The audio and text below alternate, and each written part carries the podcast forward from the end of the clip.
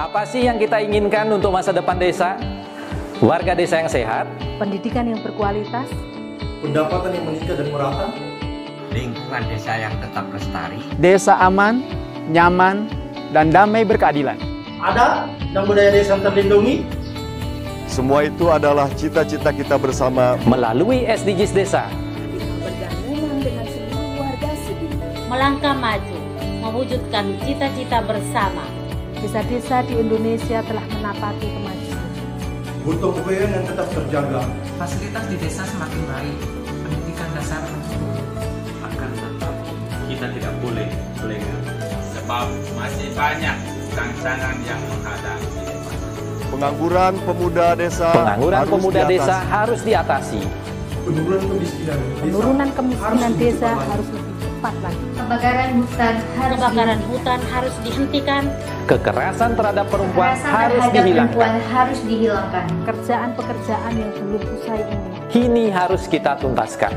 Jadi, mari berdiri, Mari berdiri Mari berdiri Mari berdiri sebaris, berjajar bergandengan tangan, melukis kuntul baris. mewujudkan cita-cita kita bersama.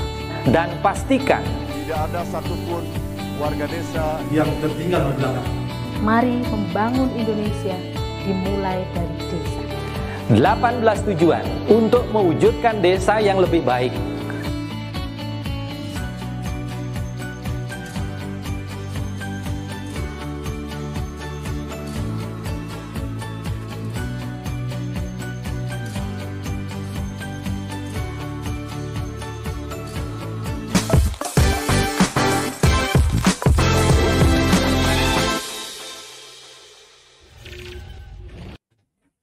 Mari berdiri sebaris, lupis kontol baris. Salam SDGs Desa, salam bahagia kerabat desa Indonesia.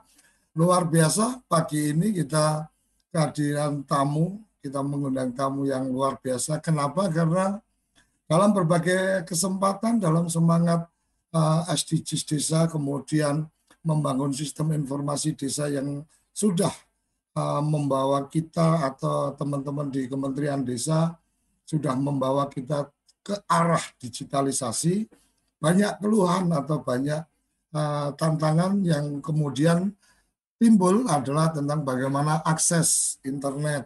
Desa-desa uh, ternyata ada juga beberapa yang kesulitan akses internet, beberapa yang kemudian harus mengkolek data, kemudian mencari sinyal untuk bisa mengirim data-datanya. Pagi ini kita kehadiran Mas Dia Anugrah, Direktur Layanan Telekomunikasi dan Informasi Badan Usaha Bakti Kom, uh, Kom, Kemkoninfo, Kementerian Komunikasi dan Informasi. Jadi uh, akan menjadi sangat luar biasa karena kita akan mendapatkan gambaran nih bagaimana Indonesia ingin menyelesaikan semua wilayah yang luas ini dengan pulau-pulaunya yang ribuan ini kemudian bisa berakses internet. Selamat pagi Mas Dia.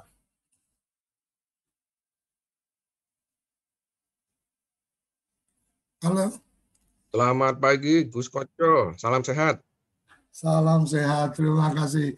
Jadi pagi ini kita ingin dapat cerita nih tentang bagaimana usaha atau bagaimana langkah-langkah yang sudah dilakukan pemerintah dalam hal ini untuk memudahkan akses internet dan siapa tahu ada peluang saya melihat uh, ada apa ada peluang bagaimana Kementerian Desa dan desa-desa uh, bahkan kemarin sudah keluar peraturan pemerintah nomor 11 tentang badan usaha milik desa ini mendapatkan ruang bisnis juga nih dari apa akses internet. Silakan Mas Dia. Baik, terima kasih atas kesempatannya Gus Koco. Jadi, Assalamualaikum warahmatullahi wabarakatuh. Waalaikumsalam. Gus Koco dan rekan-rekan sekalian, pemirsa TV Desa. Jadi, memang kami di Bakti Kementerian Kominfo ini punya tugas utama yaitu bagaimana melakukan satu uh, kegiatan inisiatif pemerintah dengan penyelenggara telekomunikasi untuk memberikan layanan akses telekomunikasi dalam hal ini internet yang kita kenal bisa uh, dibangun atau diselenggarakan atau disediakan menyeluruh di wilayah-wilayah Indonesia. Tidak tertutup hanya di kota, tapi juga di desa. Itu adalah semangat uh, dari uh, tugas yang diberikan uh, Pak Presiden kepada Kementerian Kominfo. Nah, namun demikian, sebagaimana kita ketahui bahwa yang namanya uh, pelaku usaha dalam menyediakan layanan telekomunikasi tentu melihat aspek komersial. Yeah. Kemudian bagaimana terhadap wilayah-wilayah yang tidak layak secara komersial?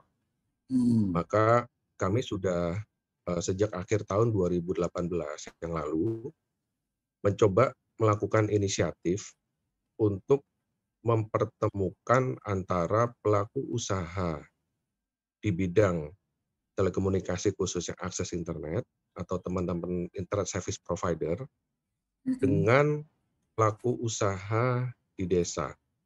Hmm. Dalam hal ini kami melihat potensi, potensi yang besar ada di badan usaha milik desa. Ya. Sesungguhnya praktek ini banyak dilakukan eh, terlebih dahulu oleh teman-teman desa secara pribadi. Hmm. Namun demikian, kami melihat dampaknya akan sangat lebih baik apabila hal ini dikelola secara terstruktur oleh badan usaha milik desa atau badan usaha milik antar desa. Hmm. Nah, semangat inilah yang mendasari bahwa eh, desa punya kemandirian untuk bekerja sama dengan internet service provider dalam rangka menghadirkan internet.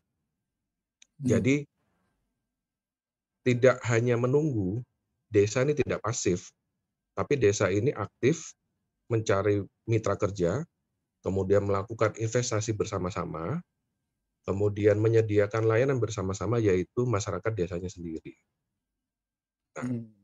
dari sini eh, kami juga berdiskusi dengan teman-teman di Kementerian Desa bahwa sangat dimungkinkan dan ini akan menjadi satu peluang yang baik bagi badan usaha milik desa atau badan usaha milik antar desa sebagai unit usaha baru.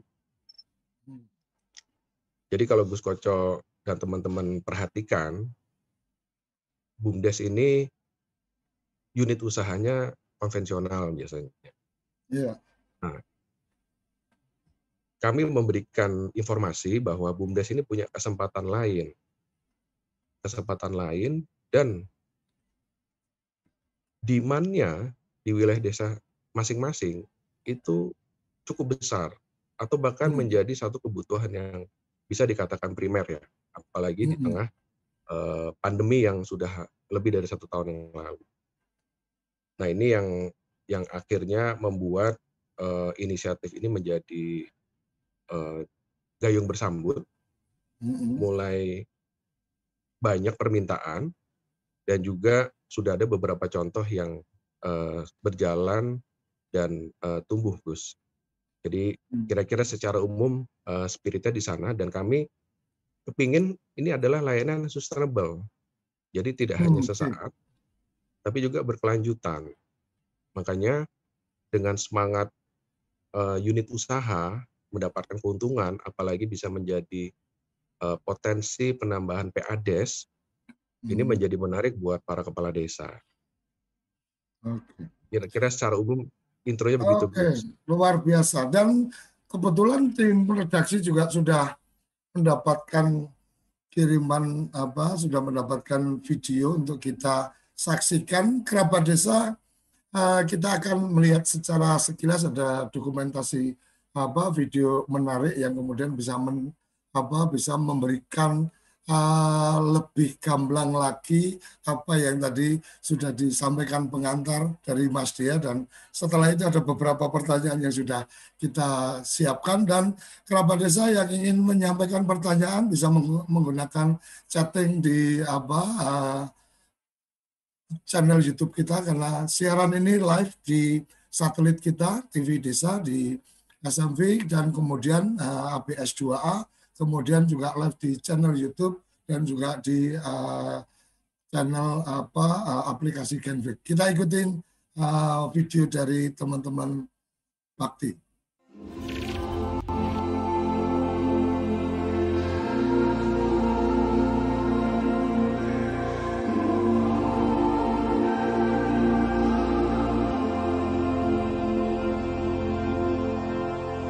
Must be something in the water. Feel like I can take the world. Throw the weight up on my shoulders. Cause I won't even feel the burn. Don't be afraid to dive.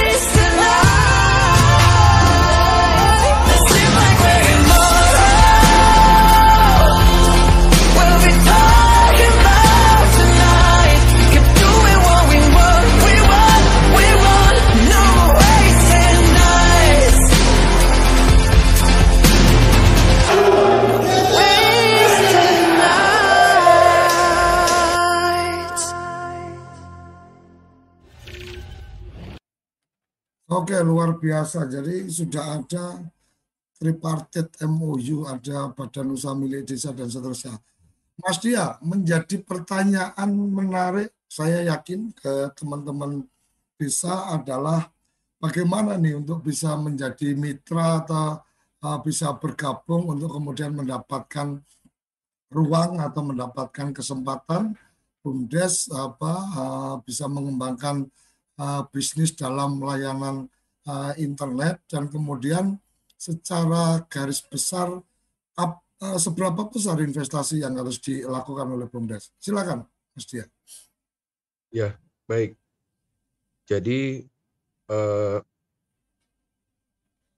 persyaratan utamanya, Gus, biasanya adalah eh, permohonan. Oke. Nah, permohonan ini bebas apakah dimohonkan dari eh, kepala daerahnya ataupun dimohonkan dari kepala desanya. Artinya kepala Jadi, desa bisa ya, tidak harus dari pemdanya ya. Oke. Boleh. Jadi kami membuka eh, seluas-luasnya. Hmm. Tapi yang utama adalah memang keinginan dari kepala desa. Hmm. Karena eh, ini adalah eh, unit pelayanan desa dan kita Hmm. memang penerima manfaatnya adalah masyarakat desa itu sendiri. Hmm. Nah, kemudian setelah dimohonkan, maka kami biasanya melakukan desk analisis, desk study analisis terhadap wilayah yang diusulkan tersebut. Hmm. Baik itu dari ketersediaan eh, jaringan internetnya maupun kami berkoordinasi dengan dinas OPD terkait. Hmm. Jadi yang sangat dekat dengan inisiatif ini di pemerintah kabupaten itu adalah Dinas OPD Kominfo dan Dinas OPD PMD. Hmm. Sampai tahap berikutnya adalah kami melakukan uh, kunjungan lapangan, Gus. Oke. Okay. Nah, kunjungan lapangan ini juga kami berharap bertemu dengan uh, calon aktor utamanya di desa, yaitu kepala desa dan juga pengurus bumdesnya. Apabila bumdesnya belum terbentuk, maka sama-sama kita bentuk dulu. Hmm. Jadi nanti dibantu oleh teman-teman uh, dinas PMD dan juga teman-teman di Kementerian Desa Jakarta uh, memberikan uh, informasi tentang bagaimana membentuk sebuah bumdes. Jadi kami belum langsung masuk kepada substansi uh, penyediaan internetnya secara mandiri, tapi juga hmm. kami melihat uh, kesiapan dari organisasi bumdes itu sendiri. Oke. Okay. Nah, setelah itu, maka paralel dengan itu, kami mencari siapa teman-teman internet service provider yang kiranya berminat dan mampu bekerja sama dengan BUMDes untuk menyediakan layanan internet di sana. Hmm, okay. Nah, kalau uh, nanti kita pertemukan para pihak, ASP-nya, BUMDes-nya, kemudian kami di tengah-tengah, selaku pihak yang mempertemukan antara mereka berdua, kalau mereka sepakat dan punya satu semangat yang sama, maka barulah kita beranjak kepada proses pembahasan sampai dengan penandatanganan PKS tripartit yang tadi videonya kita lihat bareng-bareng. Hmm. Nah, jadi PKS tripartit itu uh, adalah satu bentuk uh, kesepakatan uh, para pihak dengan semangat yang sama untuk melakukan pelayanan kepada masyarakat di bidang internet melalui kerjasama antara internet service provider dengan BUMDes, dengan unit usaha barunya. Hmm. Di situ belum bicara mengenai ke, apa namanya komitmen bisnisnya, Gus, karena hmm. nanti kami akan uh, memberikan kesempatan tersendiri antara ASP dengan BUMDes yang sudah tripartit untuk membicarakan aspek bisnis. Jadi memang Bakti ini tidak ikut langsung di dalam uh, pembahasan uh, business to business relation hmm. antara ASP dengan BUMDes, tapi kami menjaga menjaga agar terjadi ikatan kerjasama yang sehat hmm, antara okay. ASP selaku supplier yang yeah. notabene dari kota Gus dengan hmm. BUMDes yang yang menjadi mitranya hmm. di desa. Nah, kemudian kalau pertanyaan berapa besar investasi yang di yang bisa disediakan, eh, jawabannya semakin besar semakin bagus, Gus. tapi itu ya. Itu tapi kondisi kan bervariasi. Okay. Jadi kami pernah uh, menemukan juga uh, bumdes yang bisa menyediakan 50 juta untuk satu tahun, 100 juta hmm. untuk 100 tahun, bahkan sampai yang lebih dari 100 juta dalam satu tahun. Hmm. Bahkan ada cerita yang dia nggak punya modal di awal, tapi ditalangi uh, dulu sepenuhnya oleh mitra ISP-nya. Dan kalau itu Hmm. terjadi kesepakatan dan akan dikembalikan kemudian pada saat bisnisnya berjalan, itu lagi-lagi kembali kepada kesepakatan para pihak. Oke, uh, Mas Dea, yang uh, yang menarik sebenarnya adalah ketika kemudian ini menjadi satu bisnis layanan internet, maka kan uh, memang karena sudah bahasanya bisnis, berarti kan memang ada potensi keuntungan yang kemudian bisa didapat oleh BUMDes dan seterusnya. Apakah Bakti kemudian ada juga satu program yang kemudian memberikan semacam bisnis coach atau memberikan satu gambaran berbisnis internet itu seperti apa dan seterusnya? Ya, eh, kami mungkin memberikan guidance, Hmm. tapi secara khusus nanti skema bisnis itu yang paling eh, paham adalah teman-teman ISP. Tapi Hmm. kami memberikan guidance yang membuat teman ISP ini menyusun satu skema bisnis yang baru bagi Oh, teman-teman unit oke. usaha baru di eh, desa. Jadi ya ini memang dinamika ini Gus. Ada yang kalau lihat tadi video ya, tadi kan rame-rame itu kita itu tanda tangan PKS yang pertama kali memang kita kita gabung. Ada Hmm. sekitar eh, hampir 20 eh, bumdes pada saat itu. Nah, memang setelah PKS tripartit tidak selalu mulus. Hmm. Ada saja yang gugur di tengah jalan. Entah penyebab utamanya dari kesiapan ASP-nya Hmm. ataupun sebaliknya kesiapan dari bumdesnya. Tapi ya sudah kalau memang eh, terjadi penundaan, jangan dipaksa nggak apa-apa. Nanti pada saatnya mereka siap, silakan kembali lagi dan kita melanjutkan proses eh, apa eh, pembangunan internet ini eh, sampai ke desa. Jadi memang kami tidak ya. Nah, lanjut jadi lanjut. memang ya, jadi memang kami tidak tidak masuk dalam dalam eh, perihal bisnis to bisnisnya, tapi kami memang hadir untuk menjembatani dan sebagai wasit, istilahnya sebagai wasit. Untuk di tahap pertama yaitu konektivitas dulu, Gus. Oke.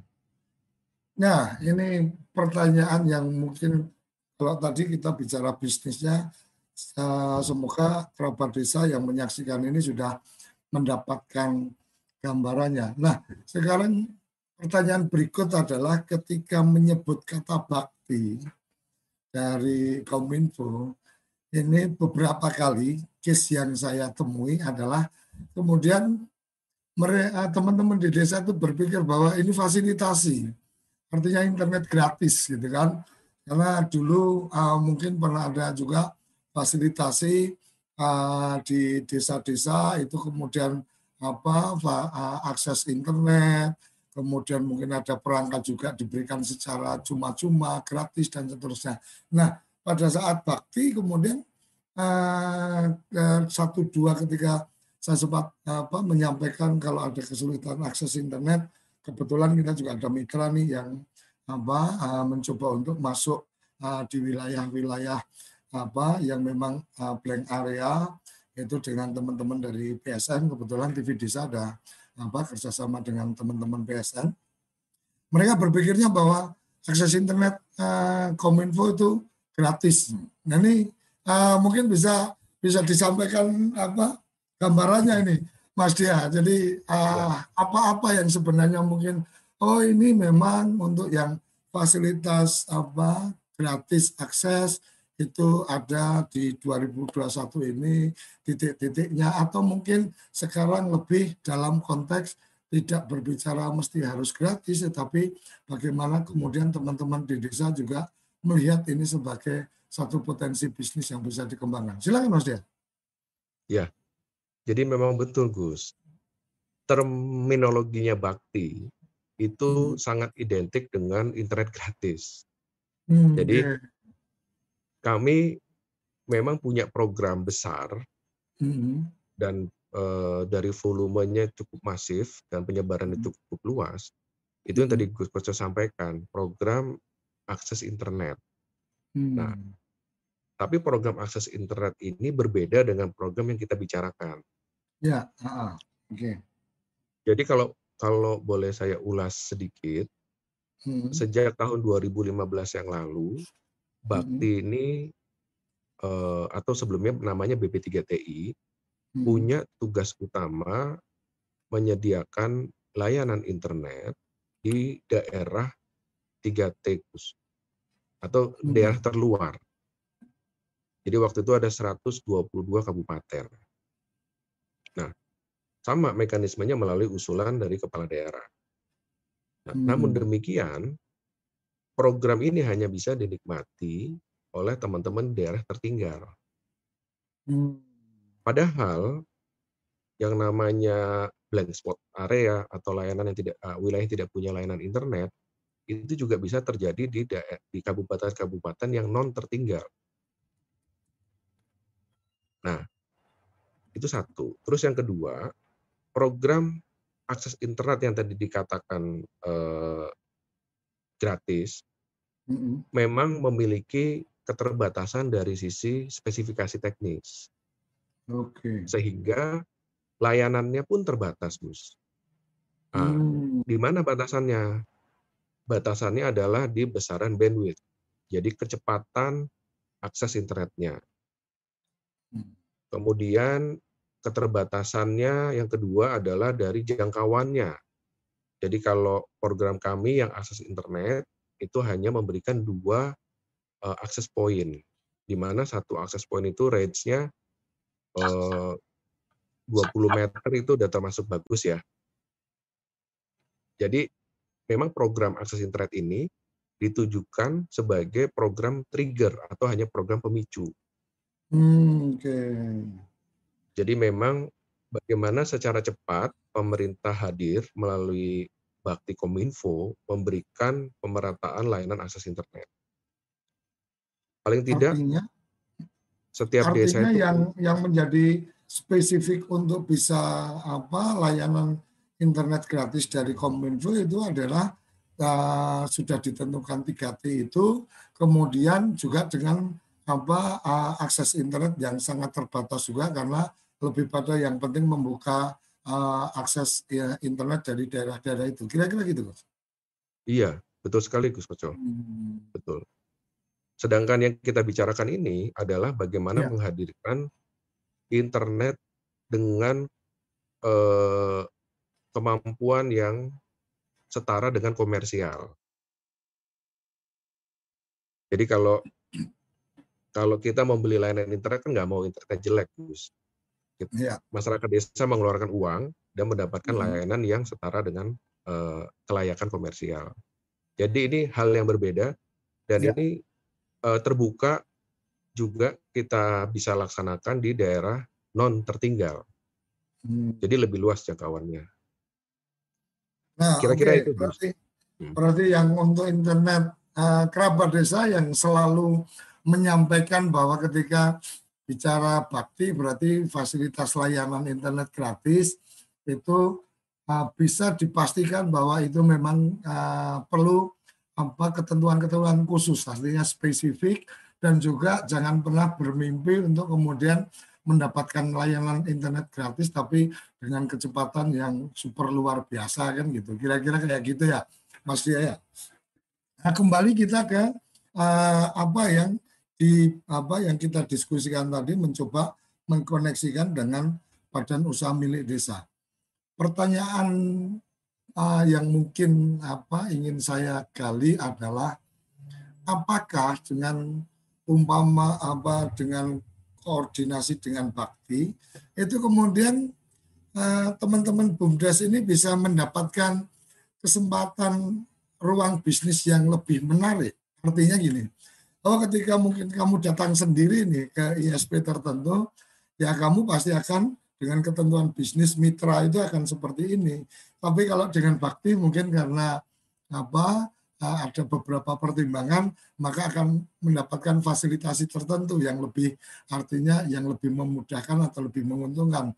Contoh seperti yang tadi disampaikan Mas Dia, ketika kemudian oh bumdesnya nggak ada modal tapi potensi masyarakatnya yang siap untuk berlangganan dan seterusnya secara bisnis menarik kemudian akhirnya mungkin ISP bisa oke okay, anda nggak perlu berinvestasi investasinya dilakukan ISP tapi model bisnisnya seperti ini dan seterusnya kira-kira gimana Mas ya? Iya, iya. Jadi memang eh, hal yang setelah kami amati ya Gus ya, teman-teman pelaku usaha ini eh, takut untuk masuk ke market desa Gus. Takutnya itu gini, saya datang ke desa atau sebaliknya teman-teman desa datang ke saya di kota, tapi kejelasan tentang kondisi market di sana saya nggak bisa uh, due diligence, tidak bisa pastikan. Satu, kalau saya harus, kalau saya didatangi kan dia harus datangi balik, Gus, untuk memastikan kondisi lapangan. Oke. Nah, untuk datang ke sana itu biaya. Ini hal yang sangat simpel. Mereka dalam melakukan kegiatan perencanaan bisnis, pergerakan ke sana itu ada satu biaya. Nah, Hmm. iya kalau pulang dari sana membawa hasil data yang baik, kalau hasil datanya nggak baik, Ya ini jadi jadi uh, cost yang sudah dikeluarkan. Sedangkan desa itu kan banyak sekali. Kalau kita bicara satu kabupaten, nggak mungkin dia uh, keliling antar desa untuk mencari peluang itu. Jadi setidaknya kalau dari sisi teman-teman pelaku usaha ASP, mereka punya teman datang ke desa. Hmm. Kemudian mereka juga kita fasilitasi dalam hal sosialisasi. Sosialisasinya bisa terpusat, mau di hmm. level kabupaten, antar kecamatan. Jadi mengurangi uh, effort dari pelaku usaha. Setelah itu kalau dia mereka mau langsung jalan, itu pun uh, menjadi satu pertimbangan uh, mereka yang lain. Tapi setidaknya mengenali potensi market itu jadi satu uh, apa namanya fasilitas yang bisa kita uh, berikan kepada si calon ISP nantinya yang mau jadi mitra di sana. Nah, begitupun sebaliknya kalau dari sisi desa, desa hmm. uh, punya kesempatan mendapatkan informasi baru bahwa sebuah badan usaha milik desa atau antar desa itu tidak hanya melakukan bisnis unit yang konvensional, hmm. tapi mereka juga bisa masuk ke bidang TIK yang selama ini tidak pernah dibayangkan oleh sebuah bumdes. Yeah kemudian mempelajari teknik-teknik dasar di bidang TIK. Apakah itu hmm. setting router, setting jaringan, sampai kita sedang membuat silabus dan pelatihan untuk pemasangan kabel optik, Gus, yang dilakukan oleh teman-teman desa. Oh, oke oke oke. Dan itu Luar ternyata biasa. tidak tidak rumit gitu, tidak hmm. rumit. Materialnya tidak semahal yang dibayangkan, Justru yang mahal itu adalah biaya kerja, tenaga kerja. Nah, kalau tenaga oh. kerja ini dilakukan oleh teman-teman desa, itu udah mengurangi biaya yang besar. Artinya ISP juga akan terbantu ketika apa teman-teman di desa punya kemampuan-kemampuan dasar tentang bisnis apa uh, informasi ini ya. Betul, betul Gus. Makanya okay. kami melihat ini perpaduan yang uh, ideal ya. Di sisi hmm. lain ISP bisa menekan uh, operational cost karena di desa sudah punya tenaga uh, teknis dasar yang uh, bisa diandalkan dalam maintenance first layer. Jadi ISP-nya tinggal supply dari kota aja. Nanti kalau maintenance uh, teknis dasar di desa itu bisa diserahkan kepada mitranya melalui BUMDes. Nah, oh. kemudian ada lagi yang menarik, Gus. Ya. Kalau ini berhasil dijalankan, maka eh, teman-teman desa yang usia muda, yang hmm. biasanya melihat opportunity-nya ke kota, ini bisa stay di desa untuk melakukan kegiatan ini. Iya, betul. Jadi Artinya, ada beberapa desa yang uh, itu sudah uh, bisa kami uh, lihat ketertarikan uh, teman-teman desa usia lulus SMA, lulus SMK itu bisa juga menjadi bagian dari teman-teman BUMDes dengan unit usaha baru ini. Oke. Oke, kerabat desa jangan ke mana-mana, kita akan jeda sesaat dan kemudian kita mencoba memberi apa menyampaikan beberapa pertanyaan yang sudah ada di uh, masuk ke kita untuk nanti bisa mendapatkan gambaran lebih tuntas tentang informasi bagaimana berbisnis badan usaha milik desa berbisnis teknologi informasi. Tetap di uh, sarapan SDGs desa. Kamu tinggal di pulau terpencil, pegunungan pinggiran kota, atau daerah di Indonesia yang tidak terjangkau jaringan fiber, ADSL, dan juga 3G. Internetan dengan cepat pasti cuma akan menjadi mimpi. Mau pakai tol langit, pakai desa wifi, kunjungi www.desawifi.id. Apa sih yang kita inginkan untuk masa depan desa?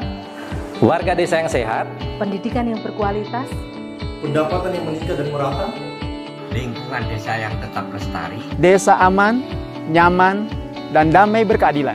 Ada dan budaya desa terlindungi. Semua itu adalah cita-cita kita bersama melalui SDGs Desa Satu, desa tanpa kemiskinan. Dua, desa tanpa kelaparan. Tiga, Desa sehat sejahtera. Empat, pendidikan desa berkualitas. 5. Keterlibatan perempuan desa. Desa layak air bersih dan sanitasi. Tujuh, desa berenergi bersih dan terbarukan. delapan, pertumbuhan ekonomi desa merata.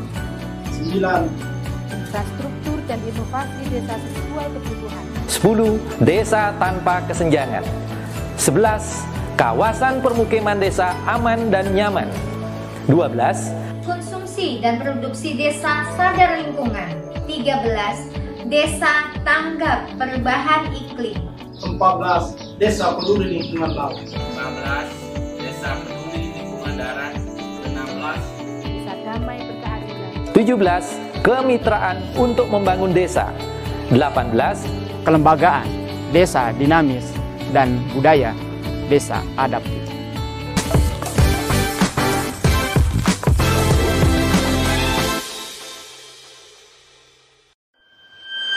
Halo Desa. Kini telah hadir tontonan dan tuntunan untuk desa-desa Indonesia. Desa Vision. Desa Vision memberikan pilihan tayangan edukasi dan inspirasi untuk desa, untuk warga desa, untuk penggiat usaha dan pemberdayaan desa. Desa Vision dikembangkan oleh TV Desa yang telah mendedikasikan diri mengembangkan program siaran desa dan pedesaan sejak tahun 2014. Dengan Desa Vision, kerabat desa dapat menyaksikan tayangan pilihan tanpa bayar iuran bulanan selamanya. Desa Vision persembahan TV Desa bersama SMV Prisat TV.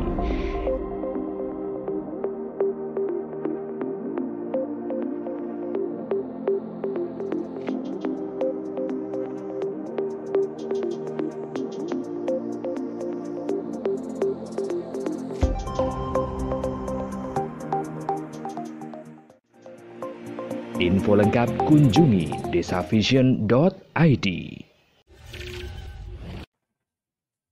Kembali di sarapan SDGs desa. Jadi agenda-agenda yang sudah dikembangkan oleh Kementerian Desa, salah satu yang saya cermati adalah bagaimana akses apa dengan teknologi informasi. Jadi ini menjadi penting untuk kemudian kita uh, bisa membantu teman-teman di desa untuk bisa berakses internet. Nah, uh, Mas Dia, ini ada pertanyaan menarik nih dari Mbah Parti Gunung La, apa uh, Geni Langit bahwa pra, uh, layanan semacam apakah layanan ini semacam membuka jaringan wifi atau semacam tower? Karena uh, di desa Geni Langit ini ada salah satu pedukuhan yang tidak apa tidak, tidak mendapat sinyal sama sekali untuk saat ini. Dan kemudian uh, dilanjutkan di chat berikutnya adalah kalau perlu perencanaan bantuan pembiayaan melalui unit usaha BUMDes apakah bisa dianggarkan dari APBDes oh kalau ini bagian yang mungkin saya bisa bantu jawab bisa Mbah. Kalau untuk urusan BUMDes Mbah APBDes bisa mengalokasikan anggaran. Kalau boleh eh, perencanaan apa saja yang diperlukan. Jadi mungkin ini uh, sebagai gambaran Mas ya, Geni Langit ini uh, ada satu kawasan wisata yang sudah dikembangkan, kemudian juga apa daerah uh, untuk tanaman sayur di pegunungan uh, di Magetan. Kemudian uh, pertanyaannya hampir sama tadi dengan yang saya sampaikan seberapa kalau memang harus ada investasi mungkin gambarannya seberapa besar sehingga mungkin sebelum April ini mungkin mereka bisa melakukan konsultasi dan melakukan perubahan alokasi anggaran mungkin kalau harus ada penyertaan ke BUMDes. Silakan Mas Dia. Iya. Jadi uh, memang investasinya itu beragam tergantung dari kondisi geografis. Karena tadi dikatakan okay. bahwa di geni langit ini belum ada sinyal, hmm, maka. Jadi kalau nah, di, kalau di kota itu RW satu RW gitu ya. Nah, Saya membayangkan kontur yang uh, tidak tidak datar nih di sana, betul nggak? Iya, nah, betul betul. Nah, kalau tidak datar, maka biasanya untuk mencapai ke sana selain menggunakan satelit ya, Hmm. kita bisa menggunakan tower-tower untuk uh, menggunakan transmisi radio. Jadi nanti Hmm. fisiknya akan ada tower. Oke. Seberapa banyak towernya itu nanti ditentukan uh, setelah survei. Karena sumber internetnya dari mana untuk dibawa ke geni langit. Oh, artinya nanti- berarti sumber yang paling dekat, kemudian eh, kemudian dibikin point to point gitu, tower ini ke tower ini sampai masuk ke lokasi. Iya, betul Gus, Hmm. betul. Nah, atau kalau memang visible dan ISP-nya memungkinkan untuk tarik kabel optik. Tapi biasanya Hmm. kalau tarik kabel optik biayanya lebih besar, kecuali tadi Hmm. dikerjakan sendiri dan pasti Hmm. waktunya lebih lama, Gus. Oh, oke oke. oke. Heeh. Jadi Ar- Artinya teman-teman di Bakti bisa meng, eh, artinya bisa memberikan asistensi atau memberikan apa eh, in- eh, artinya pendampingan ketika memang ada ketertarikan itu oh titiknya di mana kemudian dicoba di apa disimulasikan alternatif alternatifnya seperti apa gitu seperti itu iya, kira-kira iya ya, betul Gus. Jadi nanti Hmm. kami akan eh, melakukan assessment eh, desktop analisis maupun Mhm. kunjungan lapangan, survei bersama calon beberapa calon ISP. Jadi Oh. nanti yang yang akan langsung lihat itu adalah beberapa calon ISP-nya ini. Hmm. Karena ekspertisnya ada di mereka, Gus. Kalau kalau bicara ini menjadi satu agenda bisnis, maka suka tidak suka mungkin eh, yang pertama adalah bicara tentang eh, potensi pasar yang ada di situ. Artinya potensialnya seperti apa untuk kemudian mendapatkan akses, kemampuan daya belinya seperti apa dan seterusnya. Apakah sebelum masuk ke titik-titik apa yang dimohonkan untuk apa didampingi untuk diobservasi itu ada standar awal data yang mungkin bisa disampaikan ke Bakti dulu atau bagaimana ini alur alur bisnisnya ini? Ya, betul. Jadi kalau sudah disampaikan ketertarikan, kami eh, memberikan form yang harus diisi sebagai Oh. informasi-informasi dasar yang Mhm. harus kami dapatkan. Oke. Jadi nanti formnya bisa didapat, nanti saya bisa titip ke Gus Koco juga. Oke, yang boleh. Ya. Nanti silakan. Oke, Diisi. jadi Oke, silakan. Jadi silakan diisi, nanti formnya dikembalikan kepada kami. Nanti kami Oh, coba jadwalkan nanti Gus ke mana eh, siapa eh, untuk lakukan asesmen ataupun kunjungan lapangan. Oke, ini luar biasa. Pagi ini luar biasa kita mendapatkan pencerahan tentang bagaimana berbisnis apa internet di desa dilakukan oleh BUMDes. Dan mungkin sebelum saya apa minta eh, teman-teman yang ingin bertanya di apa di ruang Zoom meeting silahkan Eh, dan nanti kita karena ini Gus Ivan sepertinya belum masuk nanti saya ingin mendapatkan dari apa eh, Prof Yayon dan juga Bu Agnes yang sudah ada di sini yang selalu mengikuti apa perkembangan-perkembangan informasi. Ah, mungkin kerabat desa nanti ke form dari Mas Dea akan kita apa akan kita bantu untuk apa kita bantu untuk publish karena memang TV desa kita mendeklarasikan sebagai TV bukan TV biasa. Jadi kalau ada dokumen-dokumen dan seterusnya eh, dari materi presentasi ataupun eh, semacam yang sekarang ini form dan seterusnya, kita selain dari nanti eh, tim kita di WA Center kita bisa memba- eh, berbagi, juga bisa diakses melalui slide share eh, TV Desa Center, semua dokumen-dokumen dari acara-acara yang pernah kita lakukan ada di situ. Sebelum saya ke Bu Agnes dan Prof. Yayon, ini ada Mas Hadi, Resen, eh, ada yang ingin disampaikan? Silakan open videonya. Posisi kamera direbah boleh? Supaya enak. Ini Pak. Oke, ya, silakan. Sa Selamat pagi, Assalamualaikum Pak Suryo Koco. Ya. Waalaikumsalam. Eh, saya dari Asosiasi Pengusaha Desa Kudus Jawa Tengah, Pak. Ya, monggo. Oh. Eh, ingin tanya ke Pak Dia ini yang dari Kemenkominfo Ya. untuk eh, aplikasi kaitannya dengan apa jaringan internet desa, Pak, Pak Dia, yang di Bumdes ini satu unit eh, usaha baru yang memang sangat-sangat prospektif di mana pandemi COVID ini banyak usaha-usaha baik pertanian maupun UMKM ini eh, terkendala dalam sisi pemasaran. Hmm. Nah, eh, beberapa waktu yang lalu kami sebenarnya sudah mengikuti eh, dia ini yang kaitannya dengan eh, kerjasama yang kalau tidak salah dengan salah satu founder ya Pak dia itu ya. Nah, memang eh, untuk mengajak BUMDes yang tabenya ex officio-nya adalah dari Bapak Ibu Kepala Desa ini memang tidak semudah yang kita bayangkan.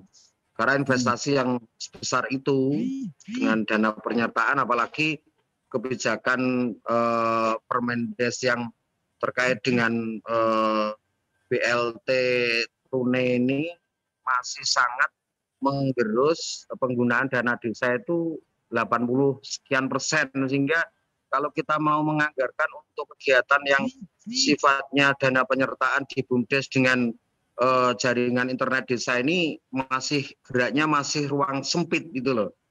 Nah, Oke.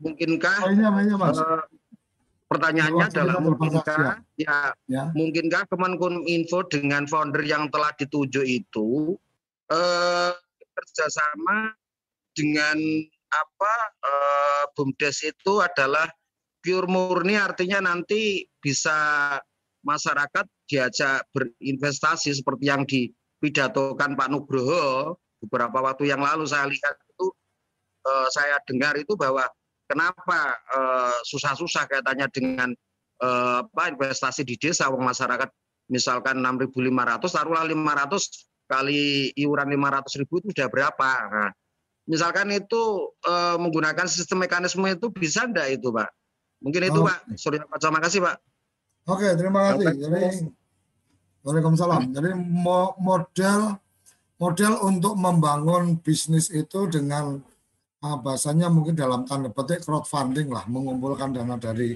masyarakat. Sebenarnya bagian yang menjadi penting adalah bagaimana presentasi bisnisnya, bagaimana kemudian memberikan apa ke eh, kepercayaan bahwa ketika masyarakat apa eh, bersama-sama melakukan investasi maka eh, ini adalah satu model bisnis. Ini ini sesuatu yang menarik dan memang juga nggak nggak sederhana tetapi bisa dilakukan karena memang dalam konteks ini badan usaha milik desa juga bisa melakukan kerjasama atau melakukan investasi bersama dengan masyarakat mungkin yang masyarakatnya bareng-bareng bikin koperasi, koperasi sama BUMDes, bikin apa unit usaha menyangkut pelayanan, mungkin seperti itu.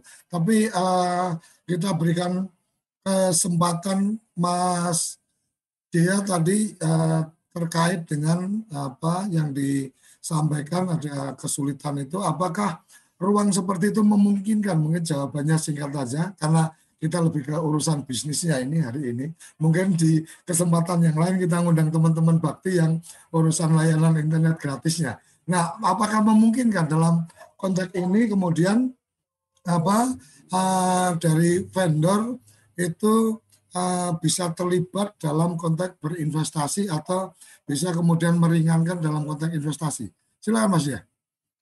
Ya, eh, jawaban singkatnya bisa Gus, tapi Mhm. memang crowdfunding di crowdfunding di desa itu eh, dikelola aja di dalam BUMDes sebagai Ya. satu bentuk penyerahan modal masyarakat. Kemudian Hmm. kalau ASP memang kita minta untuk melakukan investasi, mengambil peran. Hmm. Artinya Jadi tidak tidak- 100% harus dilakukan investasi oleh BUMDes ya. Betul, betul, Oke. betul. Oke, terima kasih. Berapa berapanya itu nanti silakan bisa Nah, dibicarakan. perlu duduk bareng dengan vendor dan seterusnya. Oke, terima kasih Mas Dia. Kita uh, ingin mendengarkan dari apa Bu Agnes karena mohon maaf ini sepertinya Gus Ivan belum bisa bergabung jadi uh, di sesi terakhir ini untuk apa kita coba uh, mendengarkan pandangan Bu Agnes dengan apa yang sudah disampaikan dari Mas Dea dari Bakti yang ini memang secara khusus uh, terkait dengan bidang usaha. Silakan Bu Agnes. Terima kasih. Assalamualaikum warahmatullahi wabarakatuh. Selamat pagi semuanya, terutama Pak Dia nih, salam kenal. Eh, dulu waktu sudah lama sekali ya zaman Pak Nuh jadi Menteri Menkominfo, itu kan pernah ada juga kebijakan untuk internet masuk desa, apa telekomunikasi masuk desa, apa namanya saya lupa programnya. Lalu dipelajari pada saat itu eh, ini apa eh, titik-titik mana yang harusnya disediakan, provider menyediakan di titik-titik mana, dilihat pakai potensi desa gitu-gitu ya. Nah, kebetulan saya ditugasi untuk melakukan evaluasi ini ceritanya. Nah, Ya. ternyata tidak semua berhasil. Tidak semua Hmm. berhasil. Jadi artinya ada yang memang seperti tadi dikatakan desa yang butuh sekali karena ingin bisnis yang apa menggunakan inter, ah, menggunakan telekomunikasi gitu yang tadinya eh, pesan itu harus datang kemudian eh, sekarang akhirnya bisa pakai telepon, bisa pakai email atau apa gitu. Sekarang mungkin lebih luas lagi. Nah, pelajaran yang saya tarik dari situ adalah eh, karena kurang petanya gitu ya. Artinya kita Hmm. nggak nggak tahu persis sebetulnya desa itu kebutuhannya apa gitu. Nah, di sisi lain ada kebutuhan-kebutuhan yang yang mungkin ki- tidak bisa dipandang dari sisi bisnis, tetapi bagi provider bisa saja, yaitu apa? Memenuhi kebutuhan untuk mengirim data. Ya, Hmm. jadi sekolah-sekolah itu semua diminta untuk mengirim data pakai anu apa itu online. Kemudian sekarang apalagi sekolah eh, apa eh, sekolahnya online gitu. Di desa itu kan setengah mati. Ya, sekolah Hmm. online itu bagaimana cara implementasinya. Nah, bagi provider kalau menurut saya ini menjadi suatu yang apa menantang gitu ya dan Hmm. bisa itu menjadi apa layanan baru gitu.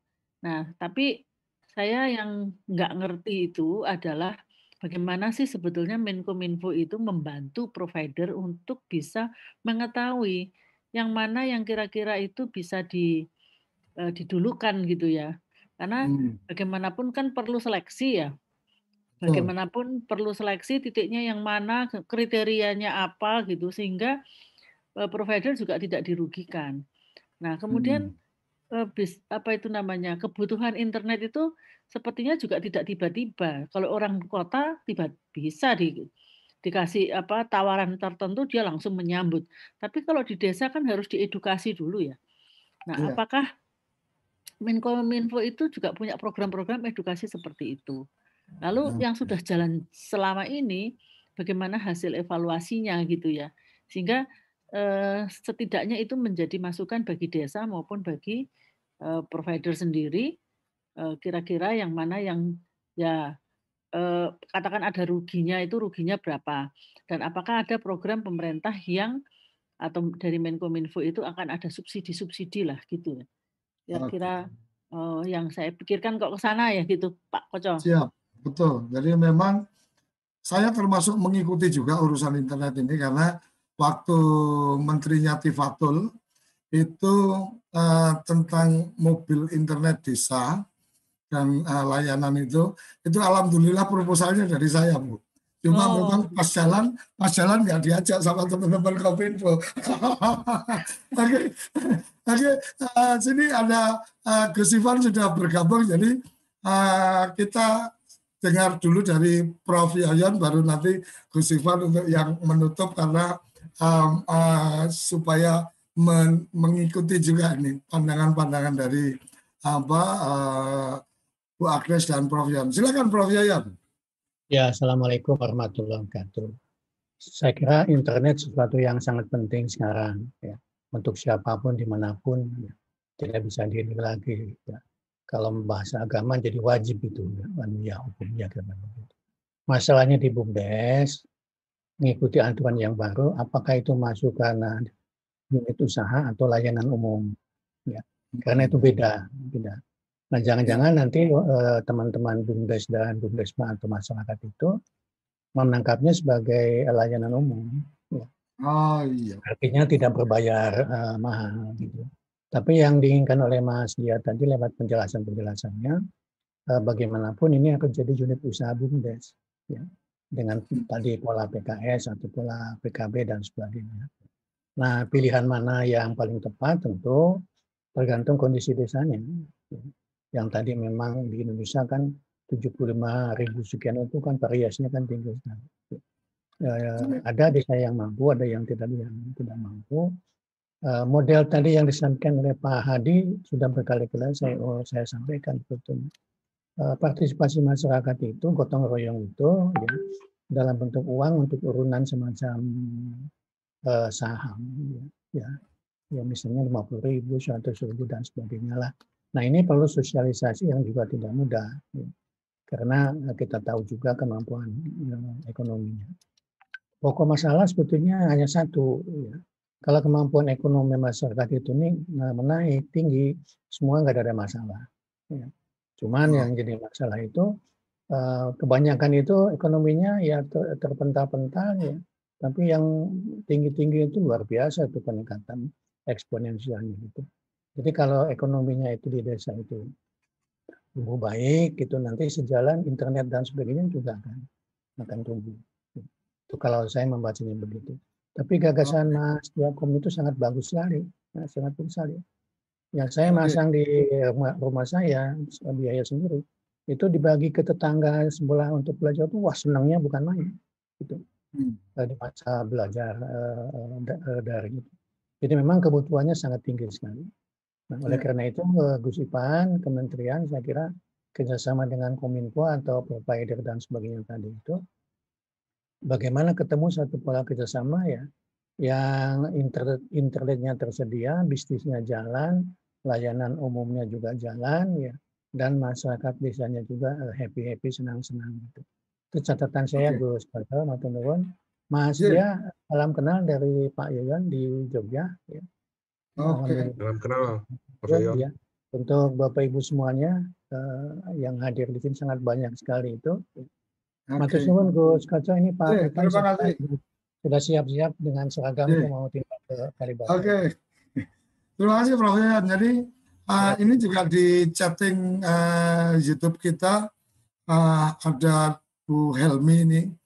Selamat pagi, Bakti dan Pusat Pengembangan Daya Saing Desa PDTT sedang menggagas kerjasama dalam hal layanan dan fasilitas jaringan internet di, uh, yang akan diimplementasikan di pelaku badan usaha. Semoga uh, di momen yang lain kita, uh, momen berikutnya kita bisa mengundang Bu Helmi juga dan teman-teman Bakti. Dan saya lihat bahwa ada hal yang hampir sama ini antara semangat PP dengan semangatnya Bakti. Ada dua, satu urusan bisnis, ada satu lagi urusan layanan umum. Jadi ini apa sepertinya rohnya udah nyambung ini tinggal bagaimana eksekusinya. Uh, karena acara uh, tempat ini adalah miliknya uh, Gus Ivan, jadi kapus datin kita, walaupun ini sudah sampai di penghujung, tapi nanti saya akan dosa besar, pintu surga akan tertutup kalau saya tidak memberikan kesempatan kepada Gus Ivan untuk menyampaikan apa pandangan dan responnya. Silakan Gus Ivan. Terima kasih Gus Koso. Enak-enaknya jadi pemilik acara emang ini. Terima kasih eh, dari Bakti, Gus Prof Yoyon, Bu Agnes, juga Bu ini kapus inovasi ini sebetulnya masih positif COVID, tapi uh, bersedia untuk ikut di dalam melihat sarapan desa ini. Sarapan hmm. Intinya gini Gus Koco, Bapak Ibu sekalian, bahwa tahun ini mau tidak mau memang seluruh desa itu akan diminta untuk memasukkan atau melayani internet bagi warga. Jadi dengan dengan berbagai cara apa pun. Pada saat ini bentuknya adalah prioritas penggunaan dana desa 2021. Namun jika sampai di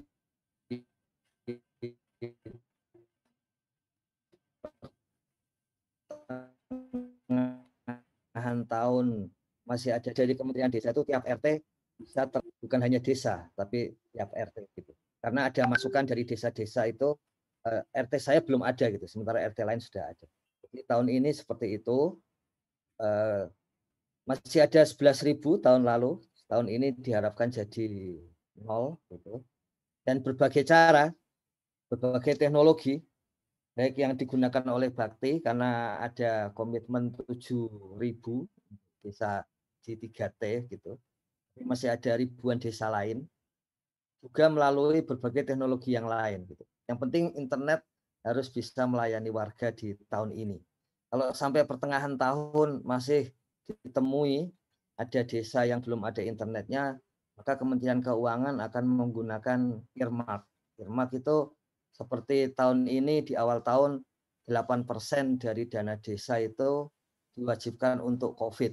Ya. Karena tahun lalu itu ada dana desa yang masih masih tidak digunakan sampai bulan Desember gitu. Jadi pengalaman itu digunakan tahun ini bahwa di awal harus siap dulu begitu. Nah nanti hmm. juga ada earmark untuk internet desa. Kalau sampai pertengahan tahun masih ada desa yang warganya tidak terlayani internet. Jadi memang ini uh, meluaskan proposal uh, ini bahwa hmm. seluruh desa sekarang harus internet kita yakin di tahun 70-an itu Pak Harto punya revolusi SD Impres ke seluruh desa. Ya. Kita akan menggunakan revolusi uh, internet ini untuk masuk desa di tahun ini 2021. Oke. Jadi akan akan ada apa strategi sampai di politik anggaran supaya desa-desa semua terakses internet ya guys ya. Benar, benar. Jadi kalau melihat melihat Bu Tuti, Bu Agnes, kita kita peluangnya bisa dari awal atau membaliknya Gus Koco kerabat desa. Hmm. Jadi setelah ada internet, kemudian desa akan memahami kegunaannya gitu. Jadi ya. Karena posisinya kadang-kadang kita internet dulu, baru kemudian kita sampaikan pemahamannya. Oke, luar biasa. Mas ya, terima kasih untuk waktunya dan saya mungkin kapan waktu juga pengen apa Mas Dia bisa sarapan SDGs lagi dengan membawa apa kisah sukses teman-teman BUMDes yang kemudian melakukan bisnis apa internet sehingga bisa menjadi inspirasi, bisa menjadi inspirasi untuk teman-teman di desa yang lain untuk kemudian berani memulai karena uh, seperti yang beberapa kali saya sering sampaikan bahwa ada beda antara pelopor dan pengekor. Jadi kalau pelopor itu keyakin punya keyakinan dulu untuk kemudian oh ya kemudian bisa melihat bahwa desa saya uh, semua bisa akses internet. Tapi ada juga teman-teman yang masih sebagai pengekor jadi dia ingin lihat dulu hasilnya. Kalau terlihat oh di sini bisa berhasil, di sini bisa berhasil baru mengikuti. Dan pola-pola ini suka tidak suka memang ada ada hal-hal seperti itu sehingga kita mencoba memberikan contoh-contoh sukses, contoh-contoh baik untuk kemudian yang lain mengikuti jadi uh, lebih baik. Kira-kira itu dan sayang sekali karena memang waktu kita terbatas tapi tidak berarti bahwa kita tidak akan mengangkat lagi tema-tema ini mungkin dengan Bu Helmi kapan waktu juga kita bisa uh, ajak untuk di forum ini bagaimana ruang-ruang untuk bisa bekerja sama lebih lanjut mengembangkan apa bumdes baik itu dari sisi layanan umum maupun sisi bisnis. Jangan ke, uh, kerabat desa selalu pantengin TV desa tiap pagi Senin sampai Jumat pukul 6 sampai pukul 7 sarapan SDGs desa kita tidak melulu apa, me, membaca SDGs tapi kita langsung kepada implementasi-implementasi apa yang kemudian itu mendukung dalam proses terlaksananya uh, satu agenda SDGs desa. Sampai di sini, salam berdiri sebaris, lupis kontrol baris, salam SDGs desa, salam bahagia kerabat desa Indonesia. Terima kasih. Apa sih yang kita inginkan untuk masa depan desa? Warga desa yang sehat, pendidikan yang berkualitas, pendapatan yang meningkat dan merata, lingkungan desa yang tetap lestari, desa aman, nyaman, dan damai berkeadilan. Ada dan budaya desa terlindungi. Semua itu adalah cita-cita kita bersama melalui SDGs desa. Melangkah maju, mewujudkan cita-cita bersama. Desa-desa di Indonesia telah menapaki kemajuan. Butuh kebayaan yang tetap terjaga. Fasilitas di desa semakin baik, pendidikan dasar akan tetap kita tidak boleh lengah. Sebab masih banyak tantangan yang menghadapi. Pengangguran pemuda desa Pengangguran harus pemuda diatasi. desa harus diatasi. Penurunan kemiskinan desa Penurunan kemiskinan harus desa harus cepat lagi. Kebakaran hutan harus Kebakaran hutan harus dihentikan. Kekerasan terhadap perempuan Kekerasan harus terhadap dihilangkan. perempuan harus dihilangkan. Pekerjaan-pekerjaan yang belum usai ini. Ini harus kita tuntaskan. Jadi, mari berdiri, Mari berdiri. Mari berdiri Mari berdiri sebaris, berjajar bergandengan tangan, melukis kuntul baris, mewujudkan cita-cita kita bersama. dan pastikan Tidak ada satupun warga desa yang tertinggal di belakang. Mari membangun Indonesia dimulai dari desa. 18 tujuan untuk mewujudkan desa yang lebih baik